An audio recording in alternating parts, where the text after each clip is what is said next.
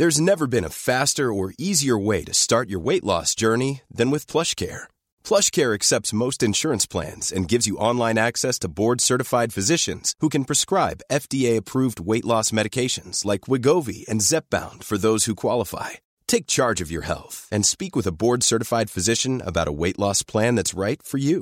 Get started today at plushcare.com slash weight loss. That's plushcare.com slash weight loss. plushcare.com slash weight loss.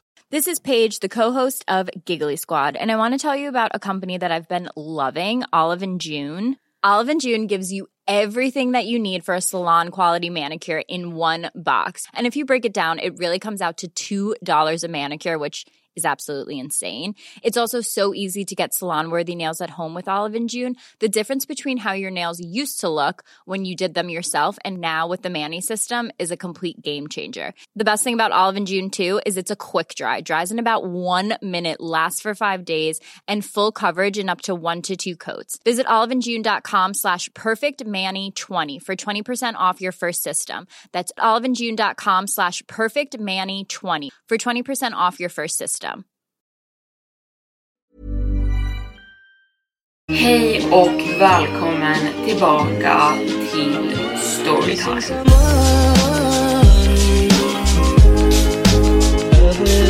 Varmt välkomna till Storytime-podden med mig, Evelin Blomfelt. Det här är en skräckpodd för de skräckälskande. Jag pratar om allting från creepypastor till true crime här och nu är vi ju mitt i en serie här i podden. Förra veckan la jag ut del 1 av Fast i stormen. Så har ni inte hört det avsnittet än så tycker jag man går och lyssnar på det innan man lyssnar på det här för det här är en fortsättning på förra poddavsnittet. Men för er som redan har hört det så ska vi sätta igång. Glöm inte bort att följa poddens Instagram som heter Storytime med Evelin. För att inte missa uppdateringar och lite frågor jag har till er om hur podden kan bli bättre och så vidare. Men nu sätter vi igång med del två. Efter telefonsamtalet med Erik så frågade jag Francesca vad ska vi göra? Vi lämnade nu lägenheten och korridoren utanför lös i rött med små vita LED-lampor längs golvet som visade vägen till säkerhetszonerna. Det var ingen annan där utanför förutom vi. Det enda, den enda rörelsen som fanns var några dörrar som svängde fram och tillbaka när folk hade lämna, lämnat dem öppna i sin hast. Francesca stod och funderade en stund. Sen svängde hon vänster och började gå. Vi går ner till säkerhetszonen först. Den är på våning 1 rakt under oss. Vi möter upp de andra där och sen tar vi reda på det bästa sättet för oss att ta oss till huvudbryggan. Låter bra, sa jag och vi satt fart. Jag vet inte hur många av er som har befunnit er på ett skepp under en storm, men det är svårt att ta sig fram när det gungar och speciellt när ens huvud inte är 100% där. Så när vi väl började ta trapporna på väg ner mot våning 1 så fick jag hålla hårt i räcket medan Francesca stödde mig. Gungandet är inte lika illa som det skulle vara på ett traditionellt fiskefartyg, men eftersom att stabiliserarna hade gått sönder så gungade det bra mycket mer än vad det brukade göra ombord på Dekras. Vid laget vi tog oss ner till våning 4 var jag tvungen att stanna för jag trodde att jag skulle spy. Francesca strök mig över ryggen och frågade om jag behövde vatten, men efter en stund bet jag ihop och vi tog oss vidare ner till våning 1. Foajén på våning 1 var utmärkt som säkerhetszonen och när vi väl rundade hörnet insåg vi att saker inte skulle bli så simpla som vi först hade trott. Foajén var full av kroppar strödda överallt. Det var 20, kanske 30 livlösa kroppar som låg antingen på marken eller ihopfallna över stolar och blomkrukor. Vi stannade direkt och jag stirrade i chock med min mun vidöppen. Vad i helvete hade hänt här? Åh gud, åh gud, Jack. Jag knäböjde framför närmaste kroppen på golvet. En medelålders man som var klädd som en säkerhetsofficer. Jag kollade om han hade någon puls, men det hade han inte. Mannen låg på mage och jag rullade över honom så att han låg på rygg. Och sekunden jag fick syn på honom kändes det som att någon hade hällt en hink med iskallt vatten över min rygg. Hans ögon var blodsprängt röda Hans hy var blek. Den hade nästan en grå ton över sig, som att den hade börjat förmultna redan. Hans läppar var mörkt lila. Det hade runnit en renil av torkat blod från hans öron. Jag antog att hans trumhinnor hade sprängts. Trots att jag verkligen inte ville så sippade jag upp hans jacka och drog upp hans tröja. Och den här gången var inte blåmärkena bara fokuserade runt hans hjärta. De var överallt. Jag såg mig om bakåt på Francesca och hon bara skakade sitt huvud i chock medan hon täckte för sin mun med sina händer som att hon skulle spy rakt ut. Åh gud, helvete. Jag såg mig omkring på resten av kropparna i foajén och de alla såg ut att ha samma symptom som officeren hade. Jack, vi måste gå. Snälla, jag vill inte vara här, sa Francesca bakom mig. Jag tog tag i säkerhetsofficerens ID-kort och passagekort och drog loss det från hans väst. Hans namn hade varit Elias Fernland. Okej, vi tar underjordsgångarna. Med den här så kan vi ta oss runt. Medan jag höll upp hans passagekort. För att vara ärlig, jag hade ingen aning.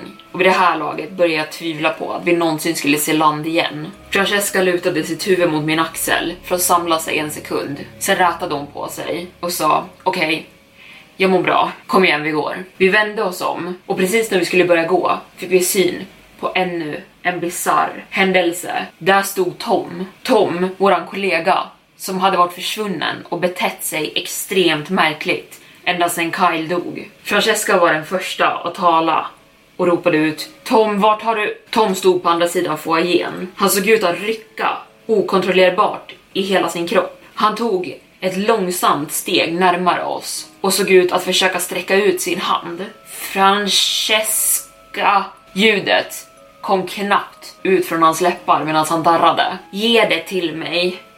Jag kan fortfarande vinna över det här, stammade han fram. Tom såg knappt ut som sig själv längre. Hans ögon var så röda och svullna. Det såg ut som att de var på gränsfall till att ploppa ut ur hans skalle. Hans hud var blek och hade också börjat få en gråaktig ton. Jag kunde avgöra små reniler av blod rinna från hans öron. Han såg ut som Jen hade gjort precis innan hon dött. Men mycket värre. Jag höll instinktivt ut en arm som för att skydda Francesca. Jack, dra åt helvete, du vet ingenting, stammade Tom fram. Jag hasade mig bakåt lite och tog Francesca med mig för att skapa mer avstånd mellan oss och Tom. Francesca såg bara ut att vara vettskrämd av åsynen av hur han såg ut. Tom, vi ska hämta hjälp. Du behöver, sa jag, men han avbröt mig fort. Håll käften, gurglade Tom fram innan han tog ett till långsamt kliv mot oss. Francesca, fortsatte han, din bitch. Du förtjänar inte makten jag gör. Och medan han tog ännu ett kliv till närmare oss så började han krampa. Hans utsträckta arm stelnade till och det såg nästan ut som att den böjdes åt fel håll. Innan vi ens hann reagera så släppte Tom ut ett hemskt skrik innan han bokstavligen exploderade mitt framför oss med ett splatt jag hann blunda i sista sekunden, men jag kunde känna hur resterna av Tom täckte både mig och Francesca och mina en gång vita sneakers var nu täckta i hans blod. Jag fortsatte bara stirra rakt ner på mina en gång vita Nikes. Jag blinkade några gånger och svalde hårt. Mina ögon skiftade fokus några centimeter bredvid mina skor där det såg ut att vara rester av Tom. Jag försökte röra mina armar, men jag var frusen på stället av chocken. Mitt hjärta slog så hårt så jag trodde att det skulle rymma från min bröstkorg nu. Trots det så var mitt huvud helt tomt. Det som fick mig ur mitt chocktillstånd var att jag råkade tappa passagekortet jag hade hållit i min hand. Jag böjde mig ner för att ta upp det igen och kände en kraftig huvudvärk som började molna i mitt huvud. Nästan som när man vet att ett migränanfall är på väg. Jag vände mig om för att se på Francesca. Hon stod vänd åt andra hållet, hulkandes, som att hon just hade spytt. Fran Francesca, vi borde röra på oss. Det kändes ganska dumt att säga det efter vad vi just hade bevittnat. Men jag var tvungen att säga någonting. Francesca nickade lite där hon stod neråtböjd och rätade sen på sig medan hon la armarna runt sin kropp. Det var lite blod kvar på hennes ansikte och hon torkade bort det med sin tröjärm. Men så fort hon fick syn på det vände hon sig om igen och började spy. Jag torkade av mig själv också och var försiktig med att inte få någonting i munnen då vi inte visste om det här var smittsamt eller inte än. Och tyvärr hade jag tagit den hårdaste smällen då jag hade stått närmast Tom. Jag fortsatte intala mig själv om att försöka att inte tänka på det då det kändes som att jag skulle gå in i chocktillstånd igen då. Jag fick ur mig, uh, jag måste, jag måste ha vatten, sa jag rakt ut utan att Francesca egentligen lyssnade ens. Det var i den stunden en dörr svängde öppen till höger om oss. Dörren ledde till trappor som ledde ner till de lägre nivåerna och en man och en kvinna klev ut i foajén. De kollade fram och tillbaka på den bisarra synen de möttes av och sen fick de syn på oss och ryckte till. Allt jag kunde säga var Hej. De två nykomlingarna visade sig vara en del av ingenjörspersonalen. De hade hört tumulten ovanifrån och kommit upp för att undersöka läget. Och vad de möttes av var en traumatiserad kvinna och en helt nerblodad man. Efter att de hade hjälpt oss tvätta av oss inne i badrummen så tog de med oss till de underjordiska delarna av skeppet. Jag fick hålla Francesca i armen medan vi tog oss ner för ståltrapporna. Det positiva med de lägre nivåerna av skeppet var att stormen inte hördes lika mycket alls här nere. Det var en lättnad att slippa ljudet för en gångs skull, men alarmen tjöt här nere också. Det är inte långt kvar nu. Det kommer bli okej, okay, sa den kvinnliga ingenjören till oss. Jag gav henne ett ansträngt leende tillbaka, men Francesca reagerade inte överhuvudtaget. Vi tog oss ner för några våningar till av metalltrappor tills vi kom fram till planet som hade stora korridorer som vi började passera. Och trots att korridorerna var mycket bredare än på ett vanligt skepp var det ändå svårt att ta sig fram här med tanke på hur mycket skeppet faktiskt svajade fram och tillbaka fortfarande. När vi hade tagit oss igenom korridoren nådde vi en stor öppen yta som hade högt i tak. Jag antog att det här var lastutrymmet. Vi hälsades av en annan man som bar en säkerhetsofficeruniform. Han nickade och sa Dr. Blanco, Dr. Chang, trevligt att träffas. Han höll ut en hand för att hälsa på Francesca som bara nickade tillbaka och sen höll han ut den mot mig och jag skakade honom i handen. Han presenterade sig som Halvor Möller. Sen gestikulerade han att vi skulle följa efter honom. Möller ledde oss längre in, in i lastutrymmet där flera anställda satt lutade mot väggarna. Alla såg extremt trötta och rädda ut. Frans Stäng av det där jäkla larmet. Jag noterade en man som klättrade upp en stege mot taket till någon slags box med flera brytare och stängde till slut av alarmet. Jag njöt av tystnaden. Francesca släppte ut en lättad suck och sen satte hon sig ner på golvet och begravde ansiktet i sina händer. Är ni hungriga? frågade Möller oss. Vi har mat och dryck här nere. Ta för er om ni vill. Han pekade mot bakre änden av utrymmet. Jag tackade mannen. Jag uppskattar det, sa jag. Jag är lättad över att ni är säkra här. Möller tog av sig sin keps och kliade sig i håret. Sen skoffade han. Ja, säkra nog. Han satt på sig kepsen igen och suckade. Jag vet inte, har ni researchers någon aning om vad det är som försiggår här? Jag skakade på huvudet och tittade ner på Francesca. Hon skakade också på sitt huvud och sa Vi måste ta oss till huvuddäcket. Vet du vägen? Möller nickade och gav oss ett sarkastiskt leende medan han pekade mot väggen där de flesta av arbetarna satt lutade. Ja, genom de där dörrarna är en väg. Jag såg bort mot väggen och insåg att det faktiskt inte var en vägg. Det var två stora metalldörrar som jag antog att man lastade på fordonen genom. Det tjänar inte mycket till dock. De är förseglade och vi kan inte få upp dem. De manuella kontrollerna ligger nere. Jag har försökt kontakta bryggan men de svarar inte. Antingen är samtalen blockerade eller avvisade. Fan, det är för jävligt muttrade han. Jag nickade förstående. Francesca reste sig sakta upp på fötter igen. Hon såg blek ut. Och jag frågade om hon var okej, okay, men hon nickade bara och log lite. Jag tänkte att jag lika gärna kan fråga. Har du någon aning om vad som hände med skeppet? Håller vi på att sjunka? Möller såg mot de andra människorna i rummet. Sen nickade han lite åt sidan med sitt huvud som att vi skulle gå undan och prata istället. Vi följde med honom några meter bort. Mannen drog fram ett paket cigaretter och erbjöd oss båda, men vi nekade och han tände upp en cigarett. Sen sa han, hör på, jag vill inte utbryta fullständig panik, men jag vill inte heller dö här. Du är andra chef, eller hur? Och sa han och tittade på Francesca. Hur mycket vet du egentligen om det här skeppet? Francesca ryckte på axlarna och berättade kortfattat allting hon visste. Sen berättade hon att hon visste att skeppet gick på kärnkraft och att delar av skeppet höll på med, med topphemliga projekt. Möller nickade och tog ett till bloss på sin cigarett. Ja, det summerar ju det mesta, men eh, jag vet lite till. Det här skeppet, The Cross, är inte bara ett forskningsskepp. Det är också, vad ska man säga, ett um, behållarskepp. Jag korsade mina armar och lutade mig närmre. Det behåller någonting farligt. Ja, ett ämne kallat AE14. De kallade, han tänkte efter en stund och sökte efter ordet i sitt minne. Ja, neoplasma. De kallar det neoplasma. Jag kollade mot Francesca och hon kollade mot mig. Ingen av oss hade en aning om vad han pratade om. Möller fortsatt. Ja, ni borde inte ens veta vad det är. Bara extremt få av besättningen har informationen. De briefade oss här nere om ämnet som skulle finnas ombord på skeppet. De sa att det är ostabilt, men kan vara en av de starkaste energikällorna människan någonsin har fått tag på. Men därav också extremt farligt. All information om detta är såklart hemligstämplad. Ni förstår, de tror AE14 är framtidens förnybara energikälla. Som liksom en oändlig källa av energi. Bättre än vindkraft, solpaneler och kärnkraft. Det här är någonting helt nytt. Och The Cross är menat att testa den här teorin. Så nej, det är inte bara ett forskningsfartyg. Det är en prototyp för ett nytt sätt att leva, en ny kraftkälla. Så de ljög. Vi går inte på kärnkraft här. Generatorn för hela det här skeppet går på ämnet AE14.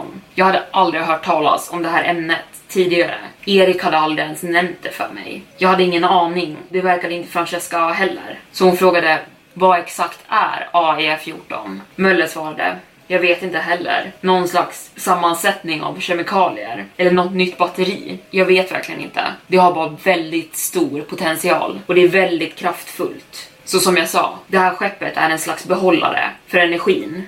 Och stormsköldarna, de håller inte bara ute stormen. De håller också inne ämnet. De var designade för att hålla inne ämnet AE14. Jag kan föreställa mig att om det är så pass farligt så vill de inte riskera ett läckage. Därför är stormsköldarna uppe. Inget läckage, inget problem. Så A114 är det som dödar människorna? Frågade jag. De byggde ett forskningsskepp mitt ute i havet, så avskilt det bara går. Perfekt plats att testa det på antar jag. Väldigt låg risk för att det någonsin ska nå fastlandet. Han svarade ja, jag antar det. Nästan som en karantän. Kan stormen ha någonting med det här att göra? Möller kliade sig på kinden och sa ja, kanske. Ämnet kanske framkallar stormen. Det kändes logiskt, fast ändå inte i mitt huvud. För all den här skiten började när stormen kom. Eller tvärtom, stormen började när den här skiten satt igång. Det kanske var den här generatorn som drevs av det här ämnet som drog hit ovädret. Francesca nickade, insjunken i tankar och frågade sen, är det här ämnet, AE14, så starkt så att det kan få människor att explodera? Möller fick en empatisk syn över sig och nickade. Han hade hört om vad som hände när ingenjörerna hittade oss. Jag vet faktiskt inte allt jag vet är att AE14 är extremt farligt för levande varelser. Det innehåller för mycket energi. Det kanske får kroppen att bokstavligen explodera. Efter vi hade stått här och diskuterat en stund så gick vi tillbaka till gruppen och tog lite att äta. Det var förmiddag, lördag, men det kändes som en evighet hade passerat på det här skeppet. Jag och Francesca diskuterade bland oss själva vad det här ämnet faktiskt kunde vara för någonting. Brainstormade och kom på förslag. Men till slut kom vi fram till att vi hade faktiskt ingen aning. Men chanserna var att Erik visste och när vi väl tog oss till honom kunde vi få några konkreta svar. Resten av dagen ägnades åt att diskutera med andra inne i kammaren och försöka att få upp de gigantiska metalldörrarna för att ta oss till huvuddäcket. De försökte att koppla om manuella kablarna för att få upp dörrarna, men det funkade inte. Om inte sa Francesca. Vi tar utevägen. Möller skrattade. Det vore ett självmordsdrag om ni gick ut i den här stormen. Och bortsett från det, hur ska ni ens ta er dit? Vi skulle kunna göra det med selarna ni har. Hon pekade bort mot hörnet där ingenjörerna satt med några väldigt stabila selar på sig som de använde för jobbet här nere. Vi använder dem där och sen steg för steg kopplar vi ihop oss med relingen utanför för att ta oss framåt. Det kommer ta tid, men på så vis kan vi nå huvuddäcket. Och vägen dit, hon tittade på mig och jag visste exakt vad hon tänkte. Vi kan gå igenom den skadade delen som sprängts av skeppet. Och jag måste medge, idén kändes inte frestande alls för mig. Men Francesca såg bestämd ut. Hon var tillbaka till sig själv. Min chef jag kände igen, med nytt liv i blicken och en bestämdhet. Hon hade ställt in sig på att vi skulle hitta Erik. Men jag däremot hade börjat få ont lite här och var. Jag borstade bort det som symptom av min skallskada. Eller att jag höll på att få en migrän eller någonting. Vad den var så hade jag inte lust för att gå upp mot en 50 gradens tyfon utanför. Men jag höll med. Vi måste ta oss dit på något sätt. Så vi ägnade resten av den dagen till att lära oss hur man använder dem. Och sen bestämde vi att vi skulle vänta till dagen därpå för att vila ut innan vi begav oss ut i stormen. När vi la oss för att sova för natten kunde jag inte sluta att tänka på vad vi hade fått veta. Jag tänkte på den här neoplasman och vad det nu var. Det hade låtit som vi alla inte var värd någonting och kunde bytas ut. Men är inte det typiskt regeringen? Att lägga extremt mycket pengar på ett projekt och sen behandla människorna som rent av utbytbara. Men det var någonting som bara inte kändes rätt med det hela. Plötsligheten av dödsfallen och de konstiga blåmärkena. Tror att vi kommer klara oss? Jag avbröt mina tankar av Francesca. Hennes viskning var så tyst så jag knappt hörde den. Jag vände på mig i sovsäcken och tittade på henne. Hon låg vänd mot mig, men hon hade ögonen stängda. Jag insåg att hon grät. Tårar rann sakta ner för hennes kinder. Ja, vi kommer klara oss. Vi kommer hitta Erik sa jag så lugnt jag kunde. Vi löser det här imorgon. Hon gav mig en liten nickning och ett litet leende och sen verkade hon somna. Ännu en gång så var mina mardrömmar intensiva. Jag kommer ihåg starka, lysande lampor och känslan av panik och ilska. Jag ville ta mig härifrån. Jag ville bara av det här hemska skeppet. Jag ville känna solsken en gång till. Men när jag vaknade dagen därpå insåg jag snabbt att fasan av det här skeppet just hade börjat. När jag vaknade svettades jag mängder, vilket var konstigt för att det var väldigt kallt i lastkajen. Klockan var kvart över sju på morgonen och först hade jag tänkt kolla hur alla andra mådde, väcka Francesca och komma iväg. Men problemet var att alla var redan döda. Jag märkte Möller först. Han låg med ansiktet uppåt. Han såg exakt ut som säkerhetsvakten från igår. Rödsprängda ögon, svullna lila läppar, blod som runnit från hans öron. Och de andra i lastkajen såg ut att ligga på liknande sätt. Och de såg likadana ut allihopa. Helvete! Och det var då jag kände det. En strålande smärta från den vänstra sidan av min bröstkorg. Jag föll direkt ner på knäna av smärtan, svalde hårt och tog mig för bröstkorgen. Nu är det över. Nu är det kört, tänkte jag. Mitt hjärta började slå snabbare och snabbare och det kändes som att min bröstkorg antingen skulle explodera eller implodera. Jag kunde känna trycket växa inuti min kropp och i mitt huvud. Jag kommer dö. Jag kommer dö nu, hann jag tänka. Jag kommer dö precis som Jen. Mina ögon kommer också explodera. Hjälp, fick jag fram. Min syn började bli röd. Jag kunde knappt andas. Shit. Händer fattade tag i mina axlar och la mig ner på rygg. Jag fick syn på Francescas panikslagna ansikte över mitt. Hon skrek Jack, nej, Jack. Jag såg ren och skär terror i hennes ögon medan hennes hår svingade över mig nästan som i slow motion och jag såg hennes halsband gunga framför mina ögon nästan som när man blir hypnotiserad och sen helt plötsligt släppte en del av smärtan och efter det kunde jag andas igen. Mitt hjärta lugnade ner sig och trycket över min bröstkorg släppte en aning. Min syn kom tillbaka och jag tog några djupa andetag och satt mig upp. Du är okej? Okay? Åh gud, du är okej? Okay? sa Francesca, lycklig men fortfarande halvt ihjälskrämd. Vänta, vad hände? Jag vet inte, sa jag. Jag tog ut min telefon och slog på framkameran. Mina ögon var rosa och mina läppar hade blivit lila. Men annars såg jag ut som mig själv fortfarande. Jag trodde jag var näst på tur stammade jag fram. Francesca hjälpte mig upp på fötter. De andra, lever de? Jag skakade mitt huvud och hostade några gånger. Jag hade fortfarande ont i mitt huvud och mitt hjärta höll en snabb takt. Vi borde gå, det finns ingenting mer vi kan göra för dem. Francesca gick och hämtade sin dykarväska och selarna. Hon tittade ner på Möller när hon passerade honom och tittade snabbt bort med en grimas. Hur kom du undan det? Jag vet inte, jag trodde det var slut för mig. Vi fick ögonkontakt och jag sa jag tror jag tror du räddade mig. Vi bestämde oss för att diskutera min nära döden upplevelse senare och ta fart mot höjderna där vi skulle ut ur skeppet. Vi kom upp för ståltrapporna in i foajén igen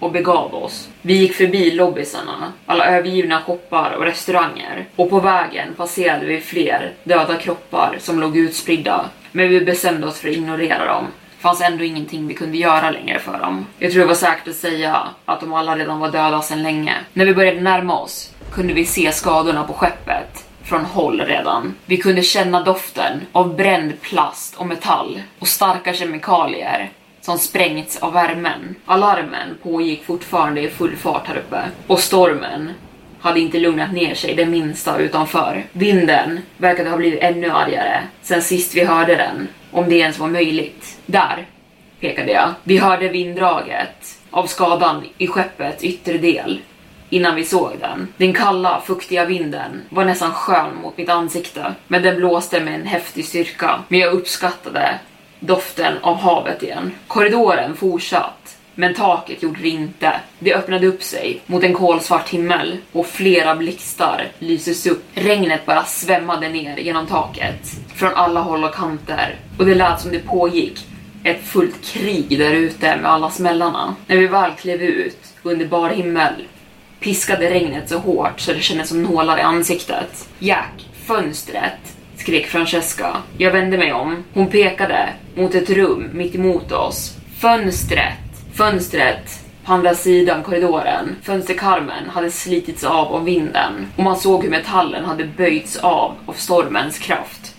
Okej, ropade jag tillbaka. Vi slungades tillbaka in i rummet där vi, där vi stått. Tycker du fortfarande det här känns som en bra idé? ropade jag åt henne. Korridoren vi skulle behöva passera såg ut som en forsande flod. Du får klaga senare om du har något emot min ledarstrategi, skrattade hon. Och trots situationen vi befann oss i var hon på förvånansvärt bra humör. Om vi överlever det här, ropade jag, så kan du ta det här som min officiella uppsägning. Ha!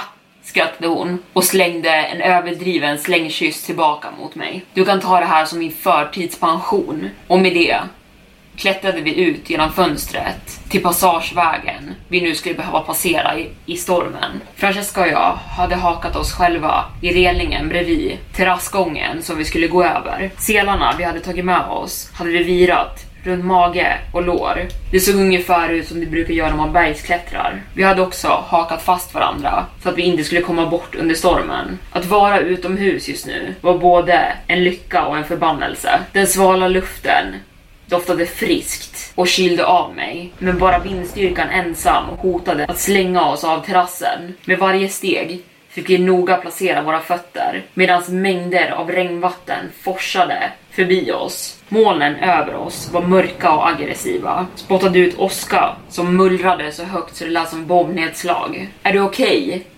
Skrek jag över vinden mot Francesca medan jag drog regnvatten ur mina ögon. Hon nickade till ett ja. Ljudet av stormen var ännu mer skrämmande här ute. Jag höll båda händerna på metallrelingen så fort jag kunde för att hålla fast mig själv. Terrassgången vi gick över var placerad precis över den artificiella stranden på skeppet och strålkastarna som hade överlevt stormen gav just tillräckligt med ljus för att vi skulle se vart vi gick. Jag tittade mot ovan och såg hur de mörka molnen formade en spiral som en orm. Men den här tyfonen var absolut inte naturlig. Jag sträckte ut mig mot Francesca och drog henne närmre och sa hur ska vi ta oss in? Jag pekade mot dörren framför oss som var stängd.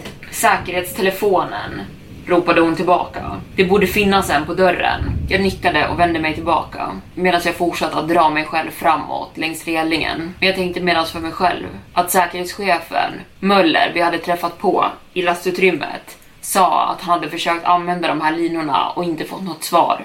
Så varför skulle vi nu få ett? Sen tänkte jag skämtsamt för mig själv, vi korsar den bron när vi kommer dit. Men helt plötsligt kom ett rytande ljud. Det kom från ovan oss, lät som en blandning av elektricitet och metall som rev sönder. Precis samtidigt kände jag min bröstkorg tajtna till igen. Mitt synfält började pulsera och jag föll ner till mina knän. Jack skrek Francesca och tog sig fram till mig. Hon slängde sig ner på knäna bredvid mig. Jack, vad är fel? skrek hon. Jag hängde mitt huvud neråt, med att jag spände min käke så mycket jag kunde och önskade att smärtan skulle släppa. Det kändes som att mitt hjärta slog en miljon slag i minuten så fick hela min kropp att börja skaka. Jag försökte andas och sen tänkte jag för mig själv, inte så här. jag tänker inte dö här ute. Jag såg upp mot dörrarna och såg någonting längre bort på gången. En svart massa fyllde hela bron. Det såg nästan ut som ett svart klot. Jag såg den ena sekunden och andra var den borta och då släppte smärtan samtidigt i min bröstkorg och jag kunde andas igen. Jag skrek jag är okej, jag är okej. Jag drog mig upp på mina ben igen.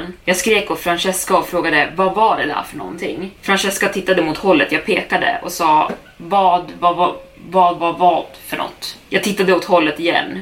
Men klotet jag hade sett var borta. Det var någonting, jag såg någonting. Men okej, okay, eh, jag log mot henne för att försäkra henne om att jag faktiskt var okej. Okay. Francesca skrek att vi borde vända om. Jag skakade mitt huvud och nej, vi klarar det här, vi kan ta oss över. Så vi fortsatte framåt. Med tanke på att gången var gjord av glas och metall blev det bara mycket, mycket svårare att få något fotfäste överhuvudtaget när vatten rusade förbi med enorm kraft över hela gången. Jag märkte att Francesca började bli trött när vi hade tagit oss halvvägs över och jag började känna krafterna ta slut också. Att vara utomhus och slåss mot den här tyfonen var en sak, men att göra det med en bankande huvudvärk och ett smärtande bröst var en annan. Avsatsen vi gick över låg högt upp över den artificiella stranden och när man såg ner kunde man se hur vågorna kraschade upp på den en gång fina stranden. Jack, kolla där! skrek Francesca plötsligt ut. Jag kollade dit hon pekade. Hon hade fått syn på en annan ingång till huvudbryggan.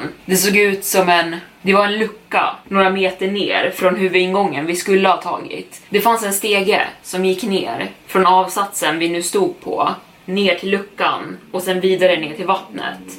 Så vi kanske hade tur. Francesca började säga vi kan gå igenom, men hon avbröts av ännu ett rytande ljud som kom från ovan. Och ännu en gång så kände jag hur en dos av adrenalin sköt igenom mitt hjärta. Min bröstkorg tajtade till och mitt huvud började bulta igen. Och på en gång föll jag ihop av smärtorna. Jag hörde Francesca ropa Jack, Jack i panik. Francesca tog tag i min sele och jag tvingade mig själv att ställa mig upp och jag tittade åt hållet hon gjorde och jag drog nästan en kall sup av regn när jag fick syn på vad hon tittade på. Ovanför var ett enormt flygplan. Nej, nej det var inte ett flygplan.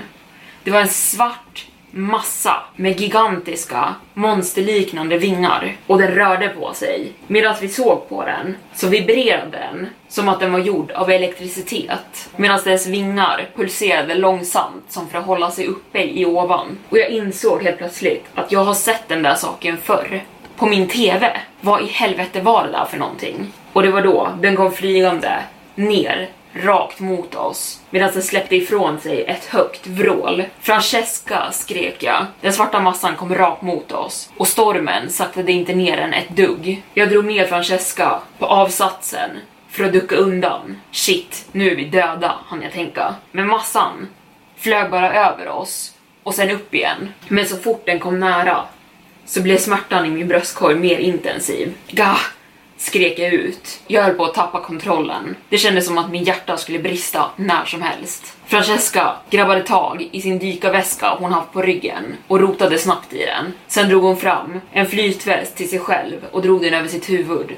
Sen drog hon ut en till och placerade den över mig. Sen drog hon i linorna som låste upp dem automatiskt. Kom! skrek hon ut och jag försökte med all min kraft att kunna stå upp. Men det kändes som att vinden och regnet hjälpte en del. Det var externa faktorer som fick mig att fokusera på någonting annat än smärtan i min egen kropp. Plus att mitt hjärta började få en stadigare rytm igen. Jag var inte död än. Francesca klickade loss bandet mellan oss och sen tog hon loss selarna från relingen där vi hade suttit fast. Vi måste av den här bron, skrek hon och jag nickade till svar. Den svarta massan flöt nu ännu en gång upp i ovan ovanför oss och det såg ut som att den pulserade och blev större på ytan för varje sekund. Det var overkligt att kolla på och jag visste fortfarande inte vad det var jag faktiskt såg. Men jag behövde inte höra två gånger att vi skulle av den här bron. Så jag drog in så mycket luft jag kunde i mina lungor och sen hoppade jag av bron ner i vattnet under. Fallet var inte alldeles för långt och för en liten stund försvann allt ljud när jag träffade ytan och hamnade under vattnet. Vattnet stillade mig och jag kände saltet, hörde bubblorna, men sen drog flytvästen mig upp på ytan igen och allting kom tillbaka. Francesca hoppade av bron efter mig. Hon pekade mot stegen och jag nickade som ett okej. Okay. Sen sparkade vi av oss våra selar och började simma. Simturen dit var inte enkel. Den artificiella stranden bestod av riktigt saltvatten och jag svalde en hel del av det. Mina ögon sved av det som stänkte upp och vågorna fick det att kännas som att man inte rörde sig framåt överhuvudtaget. Jag fick använda alla krafter jag hade för att nå stegen och kämpade mot vattnet som sköljde över mig igen och igen. När jag tog mig till metallen så tog jag ett stadigt grepp och sträckte ut ena armen mot Francesca och drog henne in till mig så att hon skulle få klättra upp först. Är du okej? Okay? skrek Francesca. Aldrig mått bättre, skrek jag tillbaka och nickade menande mot stegen så att hon skulle börja klättra. Sanningen var att jag skakade i hela kroppen av utmattning och det kändes inte som att mitt hjärta skulle klara av så mycket mer nu. Men vi började klättra uppåt, ett steg i taget. Flera gånger blåste vinden så hårt så vi slungades mot metallväggen bredvid och det fick oss nästan att tappa greppet flertal gånger. Men lyckligtvis var klättringen inte alldeles för lång, ungefär två våningar upp. Jag såg på medan Francesca hävde sig själv upp på den lilla plattformen som fanns utanför luckan i väggen och tryckte sitt ID-kort mot låset. Men ett rött ljus sken upp direkt när hon gjorde detta så hon testade en gång till, men samma sak hände igen. Fan ta dig, skrek hon högt i en panik och sparkade på dörren. Jag låste min armbåge runt stegen och tittade upp mot himlen. Monstret hade försvunnit och jag såg det inte just nu, men jag kunde fortfarande höra ljudet av den. Francesca vände sig om mot mig. Den vägrar öppna sig, skrek hon med gråten i halsen. Jag trodde inte... Jag tog några djupa andetag och gav henne mitt mest ansträngda leende jag kunde som tröst. Men helt plötsligt lös panelen grönt där Francesca stod och metalldörren slungades öppen. En hand sträckte sig ut och tog tag i Francesca medan den drog in henne. För en sekund så frös jag till is. Jag visste inte vad jag skulle göra, men då kom handen tillbaka och gestikulerade till mig att jag skulle följa efter. Så jag tog mig upp på plattformen och in genom dörren. Selling a little or a lot? Shopify helps you do your thing however you cha-ching. Shopify is the global commerce platform that helps you sell at every stage of your business. From the launch your online shop stage to the first real life store stage, all the way to the did we just hit a million orders stage. Shopify is there to help you grow. Shopify helps you turn browsers into buyers with the internet's best converting checkout. 36% better on average compared to other leading commerce platforms because businesses that grow grow with Shopify. Get a $1 per month trial period at shopify.com/work. shopify.com/work. Everyone knows therapy is great for solving problems, but getting therapy has its own problems too, like finding the right therapist, fitting into their schedule, and of course, the cost. Well, BetterHelp can solve those problems. It's totally online and built around your schedule. It's surprisingly affordable too. Connect with a credentialed therapist by phone, video, or online chat, all from the comfort of your home. Visit betterhelp.com to learn more and save 10% on your first month. That's BetterHelp, H E L P.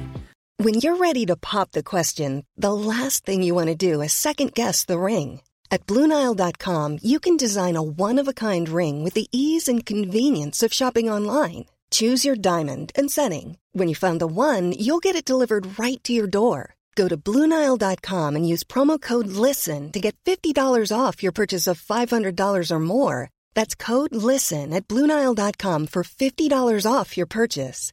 Bluenile.com code LISTEN. Millions of people have lost weight with personalized plans from Noom, like Evan, who can't stand salads and still lost 50 pounds. Salads, generally, for most people, are the easy button, right? For me, that wasn't an option. I never really was a salad guy. That's just not who I am. But Noom worked for me. Get your personalized plan today at Noom.com. Real Noom user compensated to provide their story. In four weeks, the typical Noom user can expect to lose one to two pounds per week. Individual results may vary. Erik stängde snabbt dörren efter oss när vi kom in. Ljudet och stormen tystnade ganska mycket direkt. Och jag drog en lättad suck. Erik, här var han. Från ingenstans. Men uppenbart inte i bra skick. Till och med under de röda alarmljusen såg man att hans ögon var rödfläckiga och hans läppar var extremt bleka. Hans hy såg blek och grå ut. Han lutade sig bakåt mot metallväggen och gled ner till sittande position medan han andades så tungt så det lät som att han just hade sprungit ett maraton. Francesca skakade av sig så mycket vatten hon kunde och sen slängde hon sig ner på knä bredvid honom. Hon kollade hans puls och utbrast sen Åh herregud, hans hjärta slår så fort. Jag knäböjde på hans andra sida och knäppte upp hans skjorta. Och när jag drog upp den såg jag samma blåmärken som jag nu vid det här laget hade blivit van med att se. Han var döende. Erik lyfte sin hand och tog tag i min. Hans grepp var svagt och skakigt. Professorn var i 50-årsåldern men vanligtvis var han aktiv som en tonåring. Men när han satt här med hans bleka hy så såg han ut och var dubbelt så gammal som han faktiskt var. Jack, bra jobbat fick han fram. Hans ögon kunde knappt fokusera. Jag är så ledsen för allting. Francesca, min kära, förlåt. Vi hade ingen aning om vad vi skulle göra och det var tydligt att han inte hade länge kvar. Men AE14 påverkade inte honom så fort som det hade påverkat alla andra ombord, verkade det som. Han var fortfarande vid medvetande och hans blåmärken dök inte upp lika fort som det hade gjort på de andra som dött. Francesca tittade på mig och jag såg hur hon desperat sökte efter en lösning. Men jag var rädd för att det inte fanns så mycket vi skulle kunna göra för den här mannen. Hur visste du att vi skulle komma? frågade jag. Erik nickade och spände käken som att en våg av smärta sköljde över honom. Sen slappnade han av och ett till blåmärke formades på hans bröstkorg. Professorn kippade efter luft medan han försökte att stadga sig själv. Han sträckte ner handen i sin ficka och tog fram sin telefon. Jag såg på säkerhetskamerorna när ni korsade bron. Galna. Ni båda. Helt galna. Vad hände Erik? Vad kan vi göra? Frågade Francesca. Francesca lutade sig närmre honom och jag kunde inte avgöra om det var regnvatten eller tårar i hennes ögon. Erik slöt sina ögon och drog efter luft. Han rätade sig så att han satt mer rätt upp. Det, det är mitt fel. Det var så dumt. Jag är så ledsen. Så många människor har dött på grund av mig. Francesca gav min frågande blick som, vad pratar han om? Vad menar du? frågade jag. Erik och jag fick ögonkontakt för första gången. Skeppet, The Cross. Vi hade så stora visioner, du vet. Så stora drömmar för framtiden. Vi skulle lösa det globala energiproblemet. Vi ville göra det människor har sökt i generationer. Hitta en ren energikälla. En oändlig energikälla för framtiden. Det är allt vi ville. Francesca satt tyst medan hon lyssnade. Det såg ut som att hon ville säga någonting, men hon lät bli. Och nu har allting gått fel. Jag gjorde fel. Jag ville bara göra världen till en bättre plats. Erik hostade till. Han såg kort på oss båda och när vi inte sa någonting fortsatte han tala. Det var min idé från början. Eller ja, mitt och mitt teams idé. Skeppet var en prototyp. AE14 satt aldrig helt rätt med mig. Det är inte ett element.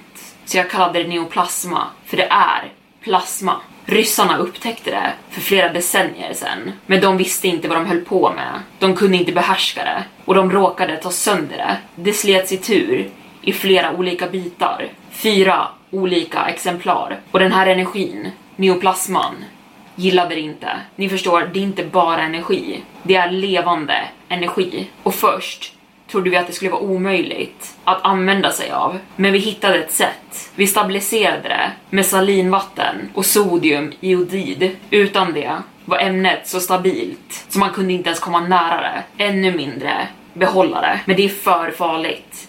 Det påverkar alla levande varelser. Och ni har säkert sett vid det här laget vad som händer. Erik pausade och tog några djupa andetag. Det såg ut som om han försökte stilla en extrem smärta och jag ville klargöra vad han just hade berättat för oss. Erik, vad fan är neoplasma?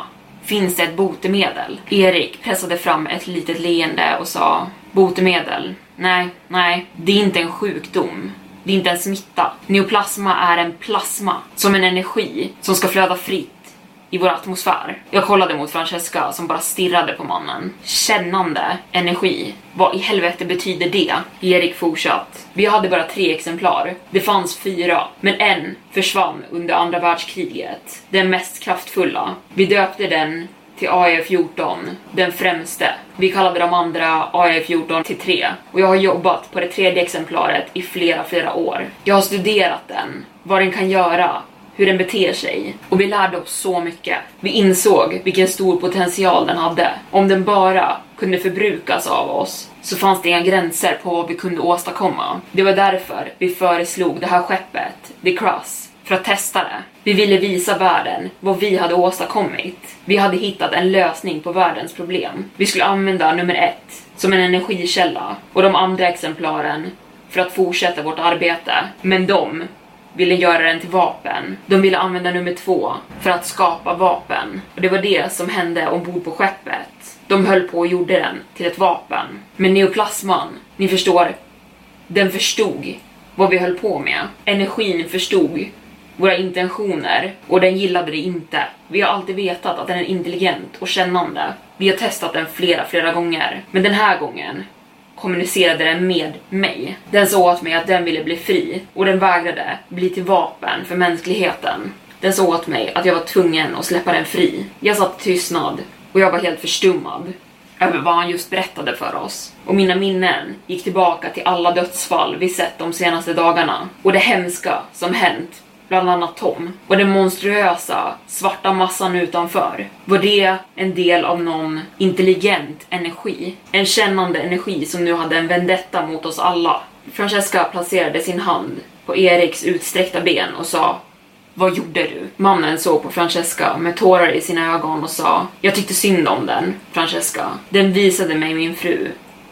Den visade mig Ari. Den påminde mig om smärtan jag känt. Jag kunde inte inte hjälpa den. Erik skakade på sitt huvud och strök bort några tårar. Så jag planerade att släppa loss den. Jag skulle offra mig själv, låta energin komma in i mig så att jag kunde ta den ut och sen bara släppa den fri. Låta den ansluta sig till massan där ute. Neoplasman är attraherad till levande organismer. Hur som helst så släppte jag ut nummer tre och lät energin komma in i mig. Men Tom, han fick reda på vad jag försökte göra och vad jag skulle göra. Och jag trodde att han ville hjälpa mig. Men han ville ha neoplasman för sig själv. Han förstod inte vad det var för någonting. Han trodde att det var ren kraft. Han trodde att det skulle göra honom kraftfull, att ta in energin i sig själv. Men han förstod inte. Ingen organism som får i sig neoplasma kan överleva länge. Sodiumjodid kan dämpa effekten av det, temporärt. Men det saktar bara ner processen. Jag ville behålla min kapsel tills jag tagit mig utomhus, sen dricka upp det och släppa ut neoplasman utan att skada någon. Men jag kunde inte. Erik rök till med ännu en våg av smärta och Francesca tog ton. Erik, vi hittade Tom. Han, han exploderade framför oss. Eriks ögon sköt upp på Francesca. Hans uttryck var fullt med skräck och oro. Va? Var han inomhus? Francesca nickade. Erik skakade sitt huvud i misstro. Skeppets sköldar håller inne neoplasman och om den inte kunde ta sig ut så måste den ha fäst sig vid någonting annat levande i närheten. Erik tog tag i Francescas hand. Känner du, känner du av några effekter? För en stund insjönk en tystnad. Den bröts bara av stormens läte utanför. Francesca skakade sitt huvud långsamt. Sen tittade hon upp på mig och vi fick ögonkontakt. Jag visste redan att vi tänkte exakt samma sak. Den hade inte fäst sig vid Francesca. Neoplasman hade fäst sig vid mig. Jack, sa Francesca. Hennes ansikte bleknade. Jag kunde se förtvivlan i hennes ansiktsuttryck. Erik såg på mig och förstod vad vi menade och hans huvud föll bakåt in i metallen. Jack, och herregud. Jag är så ledsen. Snälla förlåt. Förlåt mig. Jag såg på medan tårar rann ner för Eriks kinder. När han reste sin hand för att torka bort dem krampade han ihop av smärta igen. Smärtan som jag visste allt för väl vid det här laget. Erik sträckte upp en skakig hand och pekade mot halsbandet som Francesca hade bärt under tiden hon var på båten. Francesca, kommer du ihåg när jag gav det här till dig? Francesca tog av sig halsbandet och öppnade den lilla cylindern. Inuti låg en liten, liten behållare som såg ut som ett vanligt hushållsbatteri. Det var fyllt med vita kristaller, vilket jag antog var sodiumjodid. Det var så Francesca hade överlevt under hela den här tiden. Och det var så jag hade överlevt. Tillsammans med henne. Ja, du sa att det var din lyckoamulett och du ville ge den till din favoritelev, sa Francesca. Erik snyftade och sa jag är så ledsen. Francesca tittade på mig och sträckte ut halsbandet mot mig istället. Hennes ögon var både rädda och ledsna. Jag kunde bara förmå ett litet leende, men jag insåg nu att jag var dödens. Jag hade varit det hela tiden, ända sedan Tom dött framför oss. Jag var tvungen att ta några långsamma andetag för att stabilisera mig innan jag frågade hur länge har jag kvar? Det är svårt att säga, sa Erik. Men från våra tester Kanske, kanske några dagar, kanske en vecka. Men om energin stannar inuti dig, inte länge alls. Du måste fortfarande vara vid liv på grund av Francescas sodiumiodid. Francesca såg ner på halsbandet i sina händer. Hon gav sedan en skarp nickning som att hon hade bestämt sig, stängde behållaren och sträckte ut den mot mig, menande som att jag skulle ta den. Erik protesterade, och jag med, men det gjorde Francesca också och sa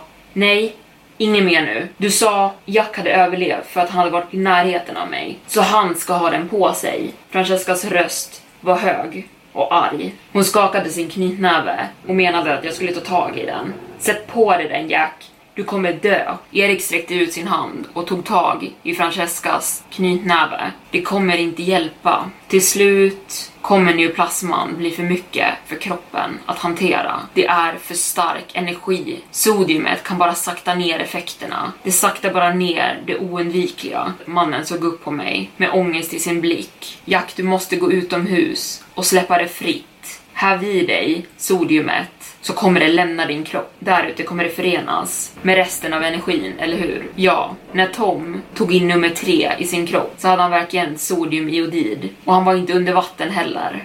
Vilket är nödvändigt. Det är därför massan där ute känner av sin egen energi och drog med sig stormen hit. Allt. Stormen, tyfonen. Det är den som gör det. Francesca slet sig loss ur Eriks grepp om hennes hand så hårt så han ryckte till. Hon slog i metallväggen av ilska och sen sträckte hon halsbandet mot mig ännu en gång. Fan ta den här neoplasma bullshiten. Ta det jäkla halsbandet Jack. Erik fortsatt. Francesca, den främste är här utanför för att den måste bli hel. Den kommer inte försvinna förrän den får tillbaka sin energi. Den kommer förstöra allt och döda alla. Francesca gav Erik en så arg och intensiv blick jag aldrig sett på henne tidigare. Alla är redan döda, skrek hon åt Erik. Du gjorde det här. Du och ditt jäkla team. Jag sträckte mig ut mot henne för att ta tag i hennes hand. Nej, skrek hon. Du ska ha på dig det här Jack. Hör du mig? Sätt på dig det nu. Men jag såg på henne att hon visste att hon slogs för ett förlorande argument. I mitt huvud så ville jag inte att något av det här skulle vara sant. Neoplasma kännande energi. Det kändes så långsökt och nästan som ett skämt. Trots det så var smärtan jag kände i min kropp inget skämt. Det var på riktigt. Och nu när jag började tänka på det kändes det nästan närvarande inuti mig. Jag tänkte tillbaka på första gången jag hade sett det här skeppet. Jag trodde jag skulle vara en del av någonting stort och förändra mänskligheten. Jag skulle göra skillnad med mitt liv. Jag trodde att mitt liv just hade börjat. Och det här var bara två veckor sedan. Och nu satt vi här. Erik hostade till igen och sa den främste tog redan tillbaka nummer två. Nummer ett förvaras under en generator som ni kommer åt från huvudbryggan. Den måste också släppas fri. Francesca skakade sitt huvud igen. Fan ta det, det är ditt problem. Det här är din röra. Nog med människor har betalat med sina liv för dina misstag. Ta den, Jack. Jag sträckte mig långsamt fram och tog tag i halsbandet. Sätt på dig det, spottade hon ut. Det är okej, okay. jag är tuffare än jag ser ut, sa jag till Erik. Finns det någon chans att överleva det här? Erik suckade och hans huvud föll ner. Jag är ledsen Jack. Jag önskar att det fanns någonting. Francesca tog tag i Eriks skjorta och drog honom aggressivt mot sig. Fan ta det Erik, vad kan vi göra? Det finns ett sjukhus ombord. Vad behöver vi? Det måste finnas mer av sodiumiodid. Hon bokstavligen skakade om mannen. Fan ta dig, du vet om sånt här.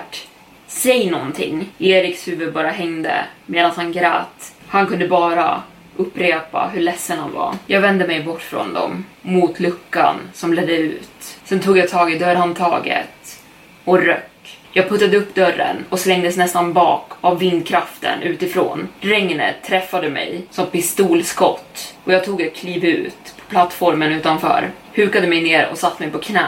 Jag skruvade upp korken försiktigt på behållaren, bredde upp mitt huvud mot himlen och samlade lite regnvatten i munnen. Jag såg högt upp i himlen hur molnen skiftade på sig och formade den svarta monsterlika massan igen. Den lät inget nu. Den varken röt eller mullrade. Den stirrade bara ner mot mig. Om den nu kunde se så tittade den på mig. Jag hällde innehållet i behållaren i min mun och svalde. För en sekund kände jag smärtan i mitt bröst bli intensivare. Men lika fort som det hade kommit försvann det. Jag kände ett litet kittlande som spreds genom min kropp, som en statisk liten chock. Och sen, ingenting. Och när jag såg upp så verkade den svarta massan pulsera med mer energi än den gjort tidigare. Sen fortsatte den att mullra högt. Men den här gången, när den gjorde det, verkade det inte skrämma mig alls. När jag gick tillbaka in i korridoren puttade jag igen dörren och stängde luckan. Och den tysta, rödlysta korridoren kändes lugn. Jag vet inte riktigt hur jag ska beskriva vad jag kände där och då. Det kändes nästan som att smärtan som fortfarande fanns i mitt bröst störde mig inte lika mycket längre. Och mitt huvud bultade inte på samma sätt. Jag brydde mig inte längre. Jag kände ingen skräck.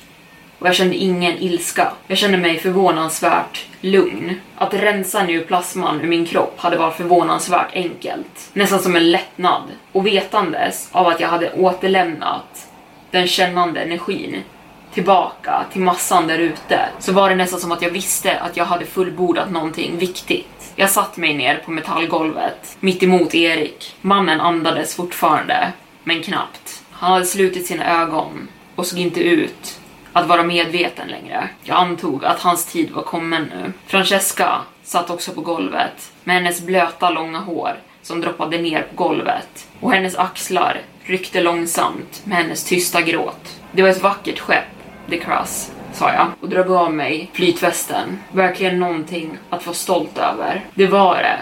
Det är det.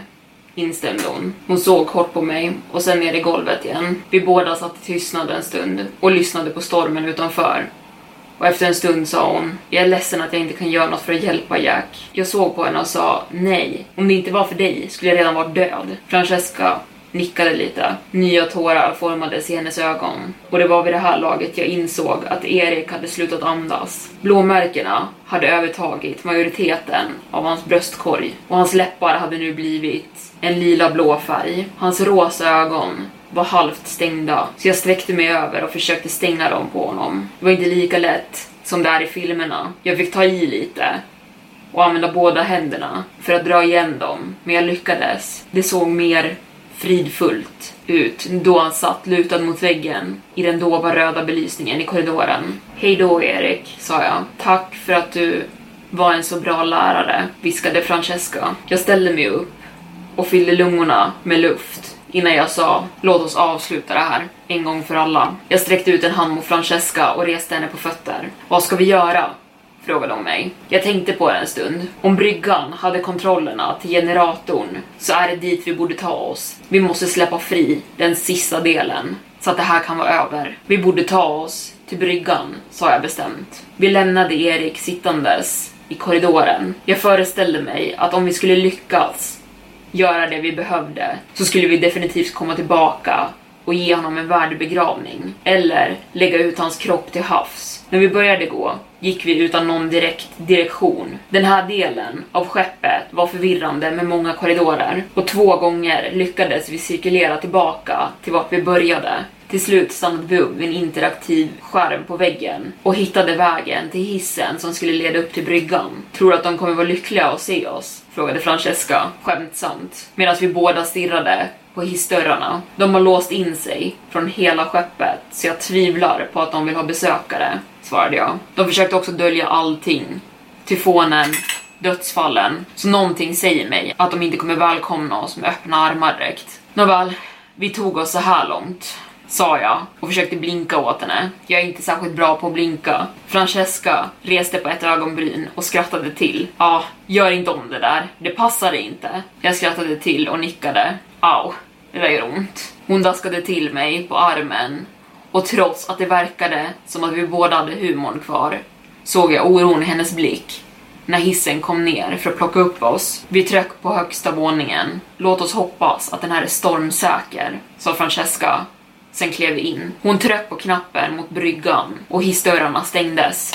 Sen började hissen röra sig uppåt och det kändes absolut konstigt för att eftersom att skeppet samtidigt gungade av stormen och vi rörde oss uppåt fick den nästan känna sig som att man var lite full. Till slut nådde vi toppnivån och jag och Francesca tittade på varandra och nickade som att vi gjort rätt val. Hissdörrarna gled upp och vi hälsades av en man klädd i mörkblå kostym och en pistol pekad rakt mot oss. Upp med händerna, och kliv ut sakta, sa han. Han nickade mot Francesca och sa du först. Francesca och jag böt en spänd blick och reste upp våra händer. Hon klev ut i hissen och sen gestikulerade han åt mig att följa efter. Jag höll mina armar uppsträckta hela vägen från hissen tills vi nådde bryggan. Bryggan såg typ ut som vanliga skepps kontrollbryggor brukar göra, men den gick runt som i en halvcirkel. Det var skärmar och konsoler överallt och fönstren var helt igentäckta av stormsköldarna. En man stod vid skärmarna längst bort. En kvinna satt vid konsolerna och en annan man satt till höger om oss. Kvinnan kände jag igen direkt. Det var kapten Hanna Mason. Välkommen till bryggan, doktorer, sa mannen som stod längst in i rummet med korsade armar.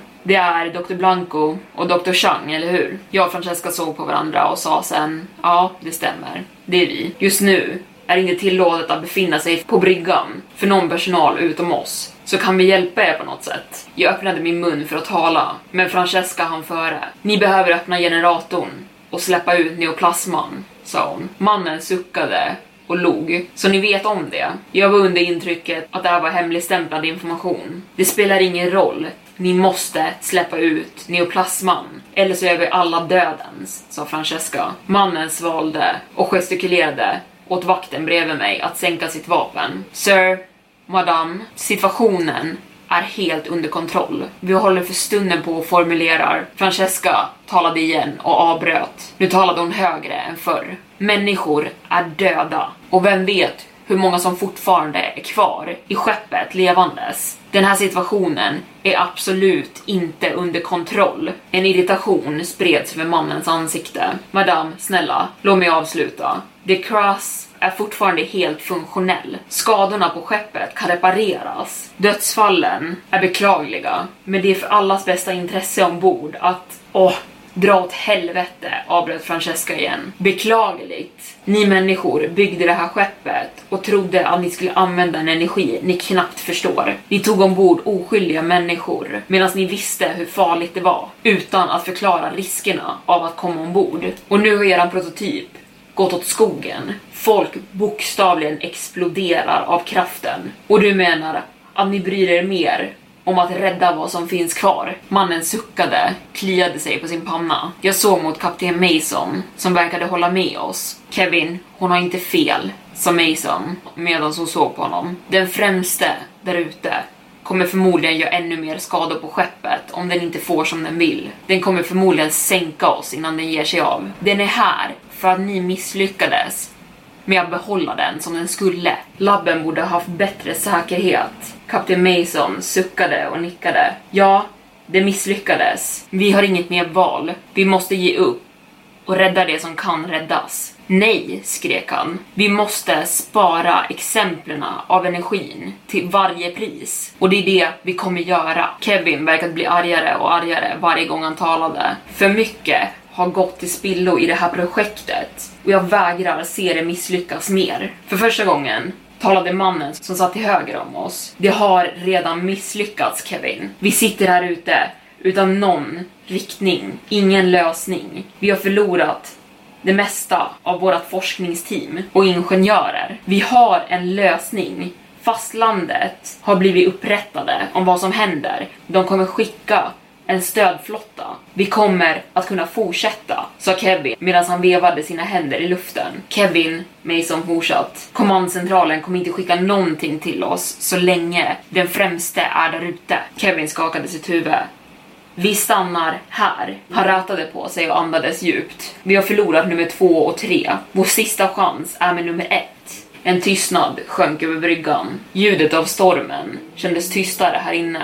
Jag antog att stormsköldarna över bryggan var starkare än på resten av skeppet. Jag bestämde mig för att ge mig in i diskussionen. Kapten Hanna Mason, eller hur? Kvinnan som satt ner tittade mot mig. Vem är den här mannen? Och varför får han det sista ordet? Kaptenen skulle tala, men Kevin avbröt henne direkt. Sir, aktiviteterna som pågår på bryggan har inte med dig att göra. Jag föreslår att ni båda lämnar oss. Jag såg på besättningen. Jung fick ögonkontakt med mig och jag såg att han hade en pistol i hölster på sin höft. Han blinkade till och såg ner mot sitt hölster och sen såg han fort upp på mig igen. Jag har aldrig varit mycket för att slåss och jag har aldrig gillat fysisk konfrontation. Trots det visste jag att jag var tvungen att göra någonting. Det är en konstig känsla att vara i den här positionen. Ge upp nu, eller ge det ett försök. De här männen såg ut att vara tränad militär och det var inte jag. Men det här var våran sista chans. Var det värt det? tänkte jag. Den sista avgörande faktorn var Francescas blick när hon såg på mig och oron i hennes ögon.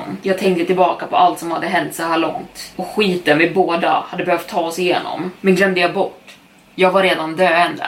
Vad hade jag att förlora? Officeren bredvid mig sa Kom igen nu, nu går vi. Men han hade inte sin pistol riktad mot mig. Men han sträckte sin hand som för att ta tag i min axel. Han var några centimeter längre än mig, men det fick duga. Jag slungade mig själv mot honom och slog in i hans bröstkorg med all styrka jag kunde. Han föll bakåt mot kontrollpanelen. Samtidigt tog jag tag i hans arm som höll i pistolen och slog den så hårt mot marken så han tappade fästet. Pistolen gled iväg på golvet, men sekunderna därefter gick fort. Jag försökte ställa mig bakom honom och ta ett grepp om honom, men han var för stark. Han slog sin näve i mitt ansikte så hårt så hela mitt huvud skakade. Så det var så ett knytnävslag kändes. Jag hade alltid undrat. Nästa sak jag visste var att jag låg på marken och han höll sig knä mot min rygg och tryckte mig ner mot golvet. Kliv av honom, skrek Francesca. Jag svär till gud, jag kommer skjuta dig. Tyngden från min rygg släppte och jag fick in luft i lungorna.